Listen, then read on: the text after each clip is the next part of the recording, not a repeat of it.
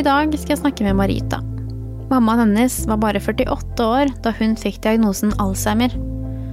Marita er 25 år, og da hun var 19, begynte hun og familien å oppleve forandringer hos moren. Den omsorgsfulle, positive og aktive mammaen med bein i nesa begynte å glemme mer, trakk seg mer tilbake, og det kunne virke som om hun hadde mistet interessen for ting hun tidligere hadde brydd seg om. I vår samtale forteller Marita om sin opplevelse av å ha en mor med en demenssykdom, og hvordan sykdommen har preget deres kjernefamilie. Jeg heter Celine, og jeg var 14 år da min pappa fikk en demensdiagnose. Jeg er sykepleier og jobber i aldring og helse. Og i denne podkasten snakker jeg med unge likepersoner fra Nasjonalforeningen for folkehelsen som selv har hatt en forelder med demens. Demens er ikke en sykdom, men en tilstand som følge av mange ulike sykdommer eller skader i hjernen. En demenssykdom fører til endringer på blant annet hukommelse, språk, personlighet og evnen til å fungere i hverdagen. Sykdommene utvikler seg og blir gradvis verre over tid. Fordi det er ulike sykdommer som fører til demens, og vi alle er forskjellige, vil demens utarte seg ulikt fra person til person. Selv om de fleste som får demens, er eldre, finnes det også personer som får demens på en tid i livet hvor de har barn i ung alder.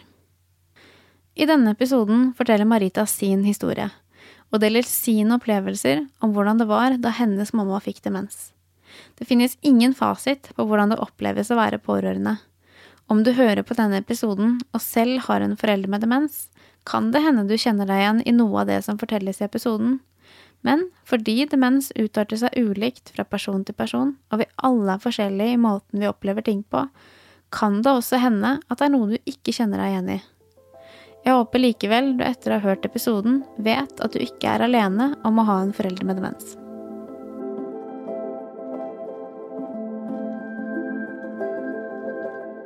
Hei, Marita. Hei. Jeg syns det er skikkelig fint at eh, du ville komme hit og dele litt av eh, dine erfaringer med ja. å ha en eh, forelder med demens. Og det er jo nettopp det vi skal snakke om. Det er jo det med mammaen din og når hun ble syk. Og så skal vi snakke litt om, eller aller mest, om det å være en familie når, når en får en demenssykdom. Så hvem, hvem er familien din? Hvem består familien din av? Eh, familien min består da av mamma, pappa, meg, og så har jeg tre yngre søsken. Ja. Og hvordan er aldersforskjellen på dere søsken, da? Det er først meg, og så kommer søsteren min to år seinere. Og så går det to år, så får vi en bror, og så er det fire år ned til den yngste broren vår. Så vi er ganske tette i alder. Og har hatt mye glede av hverandre i oppveksten. Det at vi er så tette i alder, har lekt mye og funnet på mye sammen. Og så lurte jeg sånn Aller først, før vi begynner å snakke om det, uh, hvordan, sykdom, hvordan, sykdommen har påvirket dere som familie, så lurer jeg også litt på hvem moren din var før hun ble syk. Ja, eh, mamma var jo Altså, det er så vanskelig egentlig, og hvordan begynner man med å beskrive hvordan mamma var? Eh, jeg mener jo mamma absolutt er min fortsatt min aller største rollemodell, og det er en person jeg alltid har sett utrolig mye opp til, og det gjelder nå ennå, altså sånn selv etter hun ble syk òg. Hun var en veldig sterk person, hadde veldig sterk personlighet. Var aldri redd for å si hva hun mente. Eh, var aldri redd for å ta ordet. Eh, fikk alltid mye oppmerksomhet der hun gikk. Utrolig snill, veldig rettferdig. Og ja, siden jeg har tatt mitt første åndedrag, så har hun vist meg hva ubetinga kjærlighet betyr. Og har alltid satt meg og søsknene mine først, og stått på i liksom på alle arenaer i livet for at vi skal ha det best mulig. Så hun har virkelig vært en mamma som har brydd seg og vært utrolig involvert i livene våre. Eh, hun var veldig, veldig aktiv, glad i å trene og være i fysisk form. Opptatt av å være sunn. Ja. Det var hun. Hun var en bestemt dame med mye humor og mye glede. Mye sånn positiv energi rundt mamma. Hvor gammel var du når du begynte å merke at hun endra seg? Husker du det? Eh, ja, når mamma begynte å endre seg, det ville jo ikke jeg erkjenne overfor meg sjøl, da. Eh, så jeg begynte jo gjerne å merke det litt tidligere enn hva jeg egentlig ville innrømme. Eh, men jeg var vel etter videregående, da. At jeg merket at nå er det ting som endrer seg. Og det var jo det at ja, mamma som sagt veldig opptatt av å være sunn, lage mat fra grunnen av. Og plutselig så var det sånn ja, nå hadde vi Grandiosa to ganger i uken. Det skjedde jo aldri. Og hun ble litt mer tiltaksløs. Jeg husker hun på en måte handle, og så lot alle varene stå i yttergangen uten å sette ting på plass. Så kom pappa hjem flere timer seinere og bare 'Hvorfor står maten i gangen?' Det virket liksom, det virket, Da virket ikke som hun hadde glemt det, det virket mer som hun ikke gadd. At hun bare kom hjem og var 'Dette orker jeg ikke mer, så jeg bare setter der, og så går jeg'. Eh, I tillegg til hun begynte å bli litt mer passiv, fra å gå og være veldig involvert i å, hva gjorde du på skolen, hva har du lært i dag, hvem vært veldig liksom, involvert i meg, men òg venninnene mine sitt liv, og spurt veldig mye, og alltid vært veldig sånn nysgjerrig på seg, men det er jo fordi hun har brydd seg og vært genuint interessert. Og så plutselig skal jeg begynne å fortelle mamma ting om hva jeg hadde opplevd, og så virker det som om hun ikke bryr seg lenger, eller at det kjeder henne å høre på meg. Og det husker jeg jeg syntes var litt sårt en periode, for jeg koblet ikke det til sykdom i det hele tatt. Det er bare oi, bryr, hvorfor bryr hun seg ikke? Kunne bare sitte, Og så satt hun mye på mobilen. Det var liksom helt nytt. Hun satt hele tiden på mobilen.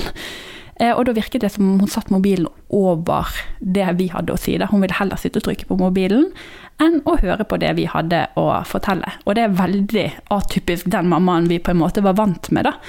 Så det var sånne små ting, gjerne i starten. Og så ble det jo sånn, ja, hun kunne glemme å hente brødrene mine på trening. Eller bare sånne småting. Men når det skjer en gang iblant, så tenker man kanskje ikke over at det kan være noe mer som ligger bak. Så jeg får sånne små endringer, altså ganske diffust, og så skjer det litt over tid. Og så er det en periode der det ikke skjer i det hele tatt. Så når noen andre i familien prøver å si oi, er det ikke litt rart at mamma Så holdt de på å bite hodet av dem. Eh, for jeg syntes jo ikke at man skulle si sånn til mamma, og det hadde jo ikke noe med hun å gjøre. Og nei da, det var det helt logiske forklaringer for, og jeg skjønte ikke hvorfor vi skulle sitte og snakke om dette bak hennes rygg. Eh, så jeg var ikke helt mottakelig for å innse at mamma hadde endret seg. Når en opplever endringer hos personer som er så unge som mammaen til Marita, kan det ta tid før en får satt en demensdiagnose. Grunnen til at det kan ta lang tid å få stilt riktig diagnose, er nok sammensatt. En forklaring kan være at demens er mye sjeldnere hos yngre enn hos eldre personer, og derfor er ikke demens det første en tenker på når en opplever endringer hos personer som er under 65 år så det tok noen år med utredning og legebesøk før Marita og familien fant årsaken til hvorfor mammaen hadde begynt å endre seg. Og så går hun jo til utredning i flere år, og det er jo litt sånn tøff periode. Eh, for da innser mamma sjøl at alt er ikke helt som det stemmer. Vi snakket litt om Pappa og søsteren min er veldig overbevist om at mamma har alzheimer, for de har brukt mye tid på å lese om sykdommen, lese om andre som har hatt den. Eh, de kjenner seg veldig igjen i det andre pårørende beskriver. De kjenner igjen sykdomsforløpet. Og så prøver de å ha en åpenhet, da.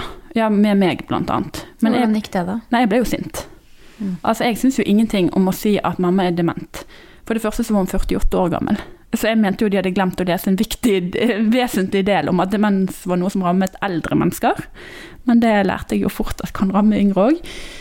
Um, ehm, nei, så jeg ville på en måte ikke erkjenne, da at mamma var syk, og jeg lagde unnskyldninger på vegne av andre, men òg på vegne av meg sjøl. Jeg lagde sånn kamuflerte for det som var rart. Uh, og så var jo legene var veldig sånn Nei, men hun har posttraumatisk stresslidelser for ting hun har vært gjennom tidligere i ung, eller ung voksenliv. Altså, de hadde så mange forklaringer. Eller kanskje det var depresjon. Det kunne være så veldig mange andre ting.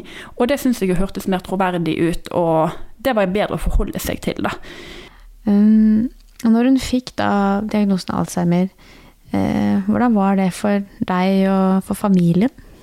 Eh, for meg så var det veldig veldig vondt, og jeg ønsket ikke å forholde meg til det faktum at jeg nå kom til å miste mamma. Og i den tiden nærmere diagnosen, og man innser at Oi, mamma er syk, hun har en uhelbredelig sykdom. Det kommer til å ende med at hun dør.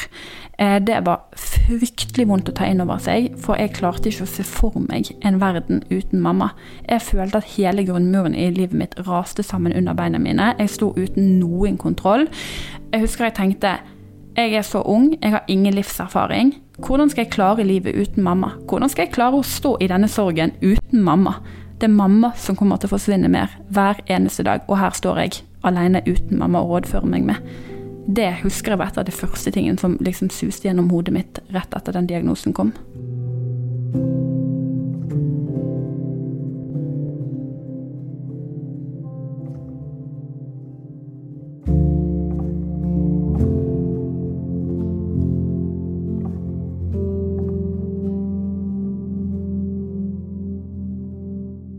Høsten etter at moren fikk diagnosen, deltok Marita på helgekurset Tid til å være ung sammen med søsteren. Tid til å være ung er landsdekkende helgekurs for unge pårørende i alderen 18 til 30 år som har en mor eller far med demens. På kurset får deltakerne informasjon om demens og får snakke med fagpersoner. De deltar også på felles aktiviteter og deler erfaringer med andre i samme situasjon. Det er Aldring og helse som administrerer kursene, og Marita forteller at hun først ikke hadde lyst til å delta på kurset, men at hun i ettertid er glad for at hun dro. Eh, så den høsten så er det jo tid til å være ung-kurs, og det ønsker både legen min og pappa at jeg skal være med på, for det har de lest mye om og ser at dette er et godt tilbud. Men alt jeg tenker er nei, absolutt ikke. Det har ikke jeg lyst til. Eh, og ikke ser jeg helt poenget med det heller, eh, for det hjelper ikke meg å sitte og høre på at andre altså Det hjelper ikke meg å sitte og høre på andre triste skjebner, og det hjelper meg i hvert fall ikke å si det høyt. Eh, men så ville søsteren min dra, og hun ønsket ikke å dra alene. Og da tenkte jeg ja ja, det koster meg ikke så mye, jeg kan jo bare bli med hun. Eh, men det endrer jo på en måte hele holdningen min til det. For det, akkurat det å høre på andre sin historie gjør at oi, noen andre mennesker setter ord på hvordan jeg føler meg. Andre sitter med akkurat de samme følelsene som jeg har. Og det å slippe å føle at man er helt alene, det var veldig, det var veldig godt. Altså det, det, det føltes nesten som en trøst. Og ikke minst å kunne snakke om ting og få forståelse og bekreftelse, og at det er andre som har det på lik måte som meg. Så etter det så tar jeg jo en helomvending og tenker at nå skal jeg bare være åpen om dette. For det å snakke om det, det var det som hjalp meg. Det var det som løsna hele den ballen som hadde begynt å bygge seg opp inni meg. Og da valgte jeg å snakke med vennene mine og sånt om det, og det var veldig få som visste dette helt i starten, fordi jeg ikke ønsket å snakke om det. Eh, og der vi bor og sånn, så er det jo folk vet det jo, selv om jeg ikke har sagt det. Og da er det veldig rart, de syns det var rart at jeg aldri ville si noe om det. Hvorfor er du alltid så glad? Og så ville ikke de ta det opp. Når de ser at jeg alltid er i et godt humør og så positiv, så ønsker ikke de å minne meg på det som er trist. Men når jeg da velger å si det til dem, så syns de at det er veldig godt å få høre det. Det er veldig godt å kunne si at ja, det vet jeg, det er jo så fælt, og liksom hvordan har du det egentlig? Så de var veldig takknemlige for at når jeg endelig valgte å fortelle hvordan det var, og hvordan jeg hadde det. Og det gjorde det jo mye bedre. Det styrket jo relasjonene jeg har til vennene mine òg. Og jeg opplevde mye forståelse hvis jeg var sliten, hvis jeg ikke orket, eller hvis jeg bare var lei meg. Så det er så fint å ha noen å snakke med. At ikke man skal late som om, om livet er perfekt når du har en ganske stor sorg du bærer med deg hver dag. Og det blir du sliten av i det lange løp. Og da er det fint å ha støttespillere rundt seg i livet da, som man kan lene seg på. Men det krever jo at de vet hva som skjer, og at man tør å åpne seg. Så det å være med på det kurset, det hjalp jo veldig for meg, da. Nå er jeg veldig takknemlig for i ettertid.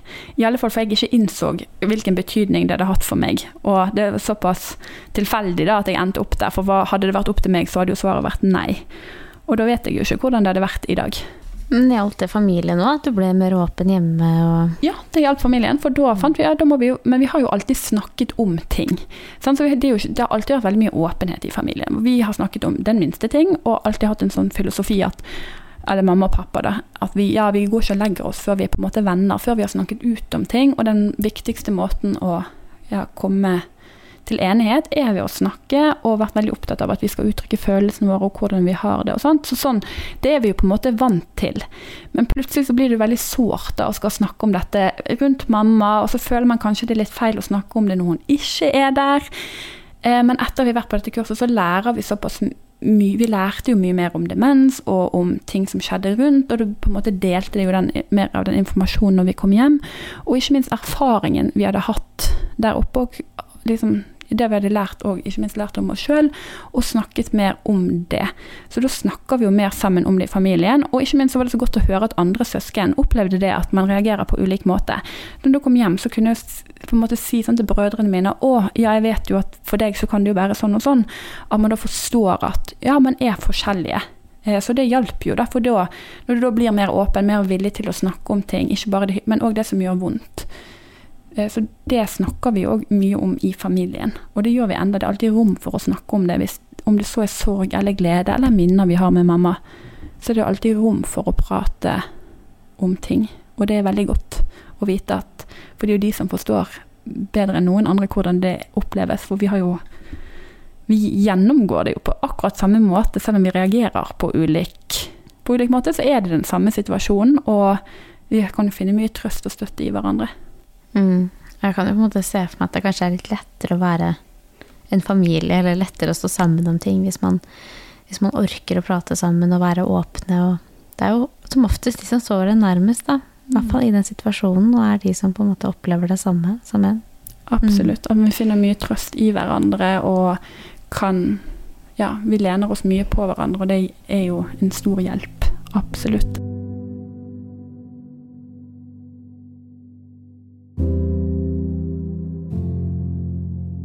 Men da mammaen din fikk den demenssykdommen, eh, på hvilken måte endra familiedynamikken seg da det hos dere?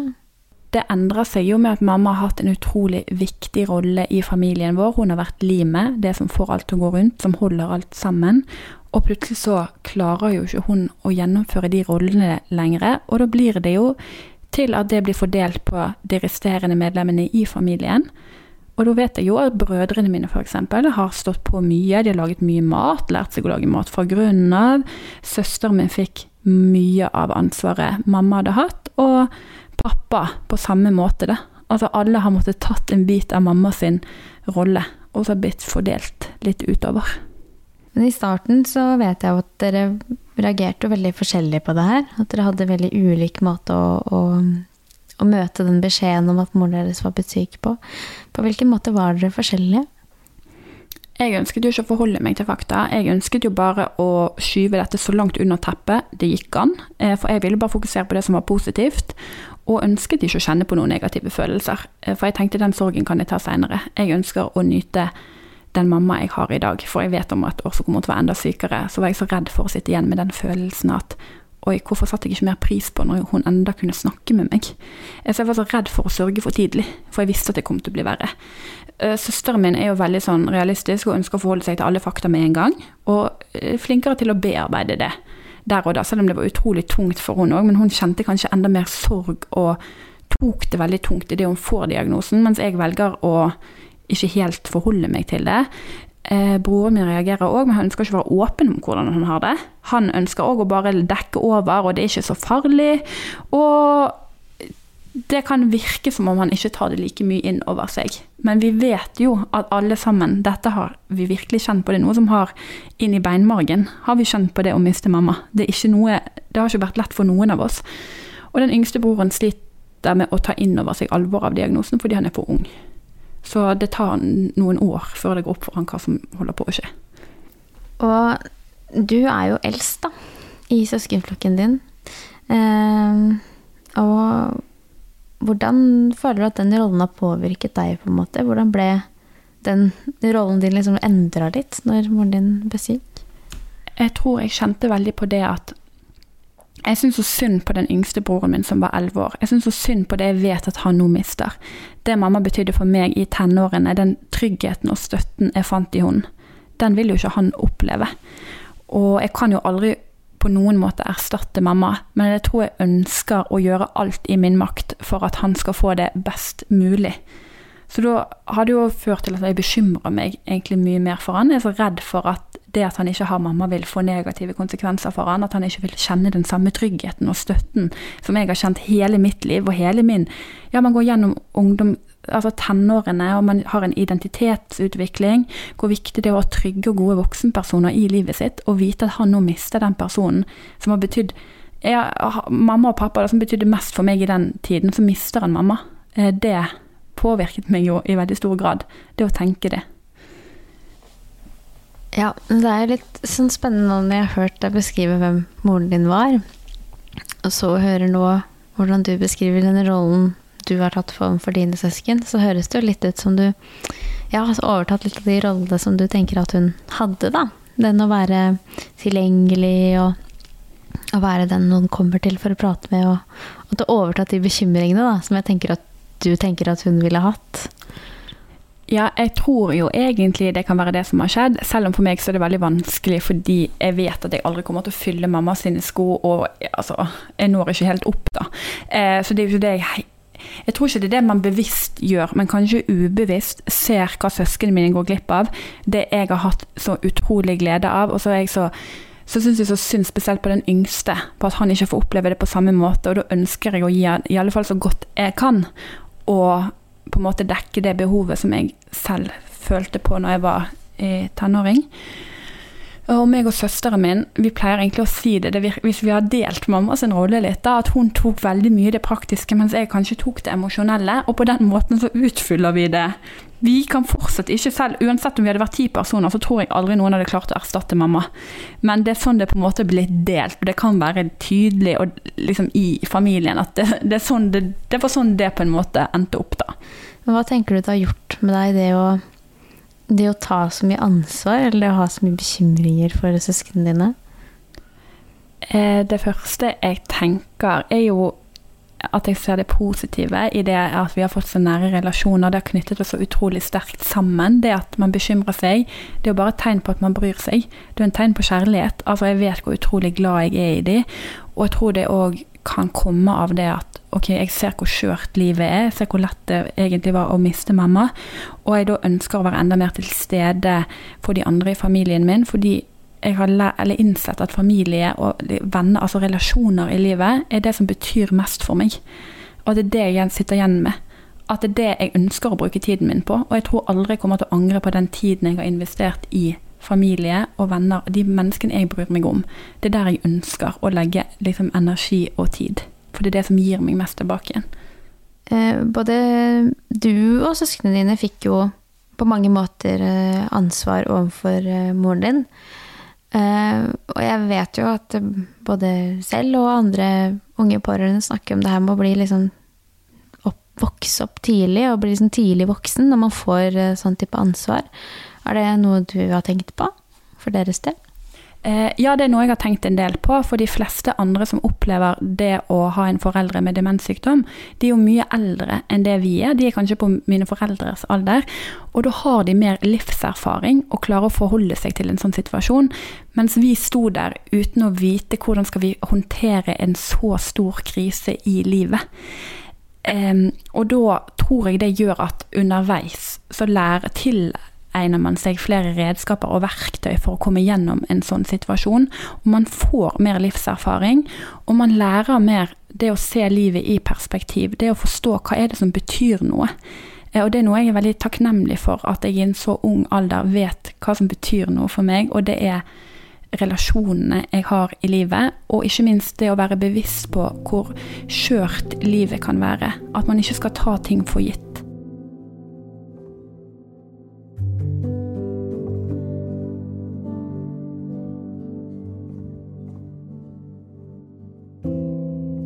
Der hvor du står nå, da Nå er det jo sånn at moren din er jo på sykehjem. Mm. Uh, og hvordan, hvordan, Hva gjorde det for familien deres? på en måte? Sånn, dere, er dere fortsatt uh, mye av den samme dynamikken? Det er det. Det var en ganske stor overgang da mamma flytta på sykehjem, egentlig. Da følte jeg at vi som familie var nødt til å finne tilbake til hva er vi nå uten mamma, egentlig. Hvordan skal vi fungere sammen, vi fem?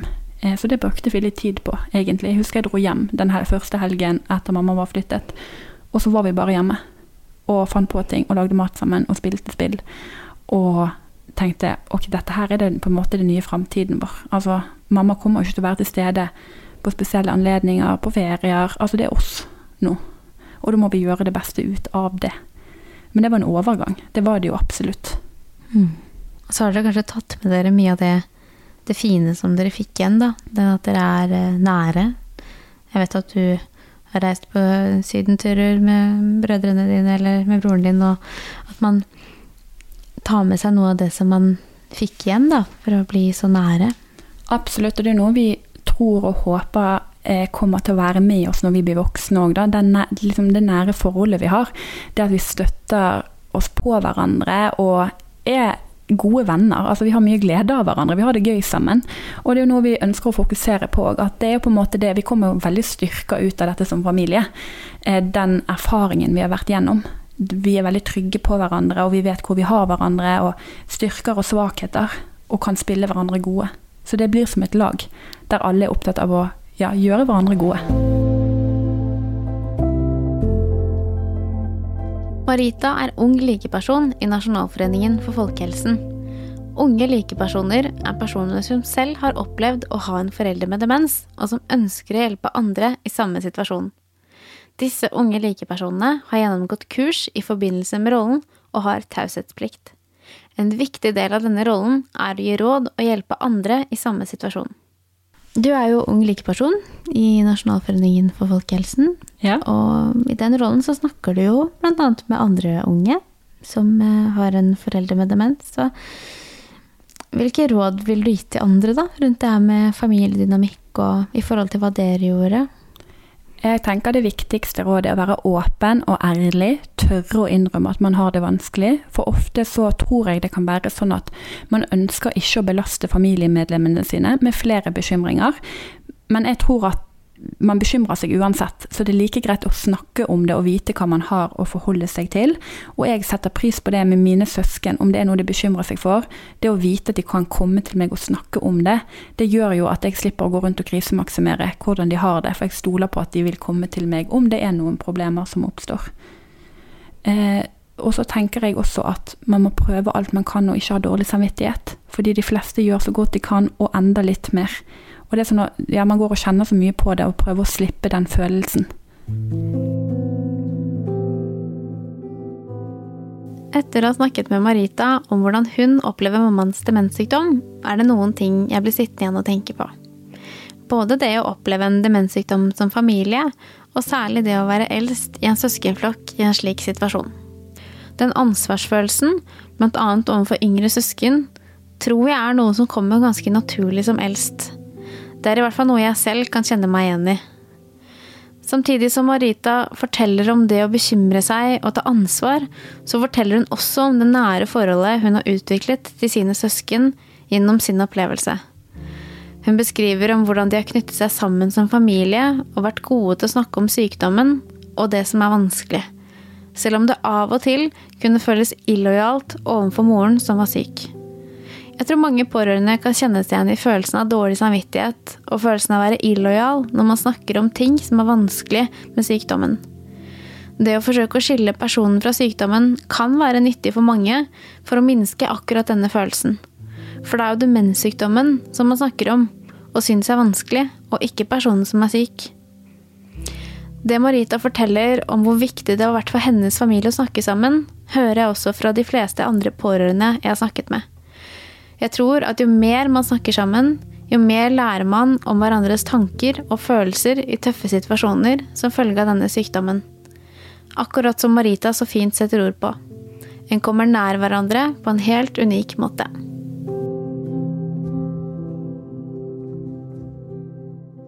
I neste episode av podkasten Tid til å være ung skal jeg snakke med Kjetil. Han var 13 år da pappaen hans begynte å endre seg, og etter nesten syv år fikk de vite at han hadde diagnosen Alzheimer. Etter at han hadde bodd for seg selv en god stund, så kommer jeg hjem og så ser jeg min far jobbe ute i hagen, da, i huset hvor, ja, hvor jeg bodde nå med min mor og lillebror. Akkurat som om ingenting skjedde. Han kom seg ikke inn, da, for han hadde jo selvfølgelig ikke nøkkel, men den hadde jo han tydeligvis ifølge han glemt et eller annet sted. Han kunne, sant? Og han var så lettet for at jeg var hjemme, sånn at jeg kunne låse han inn. selvfølgelig, sant? Men uh, det var et eller annet som ikke hengte på grep, for han uh, bodde jo ikke der lenger.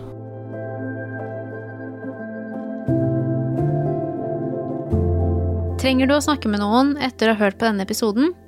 Ta kontakt med helsesykepleier på skolen, demenskoordinator, fastlegen eller annet helsepersonell rundt deg. Du kan også ringe Mental Helses hjelpetelefon på 116 123. Hvis det haster å snakke med noen, kan du ringe alarmtelefonen for barn og unge på 116 111. Har du selv en forelder med demens og ønsker å snakke med en i samme situasjon, kan du ta kontakt med Nasjonalforeningen for folkehelsens unge likepersoner. Har du spørsmål om demens, kan du ringe Demenslinjen på 23 12 00 40. Aldring og helse har landsdekkende tilbud for barn og unge som har en forelder med demens. Les mer om disse og få annen informasjon om demens på tidtilværeung.no. Denne podkasten er laget av Nasjonal kompetansetjeneste for aldring og helse. Jeg heter Celine Haaland Johansen. Ansvarlig produsent er Martin Lundsvold. Fagkonsulent er Tale Kinne Rundquist. Teknisk produksjon er gjort av Headspin. Musikken er produsert av Synkpoint.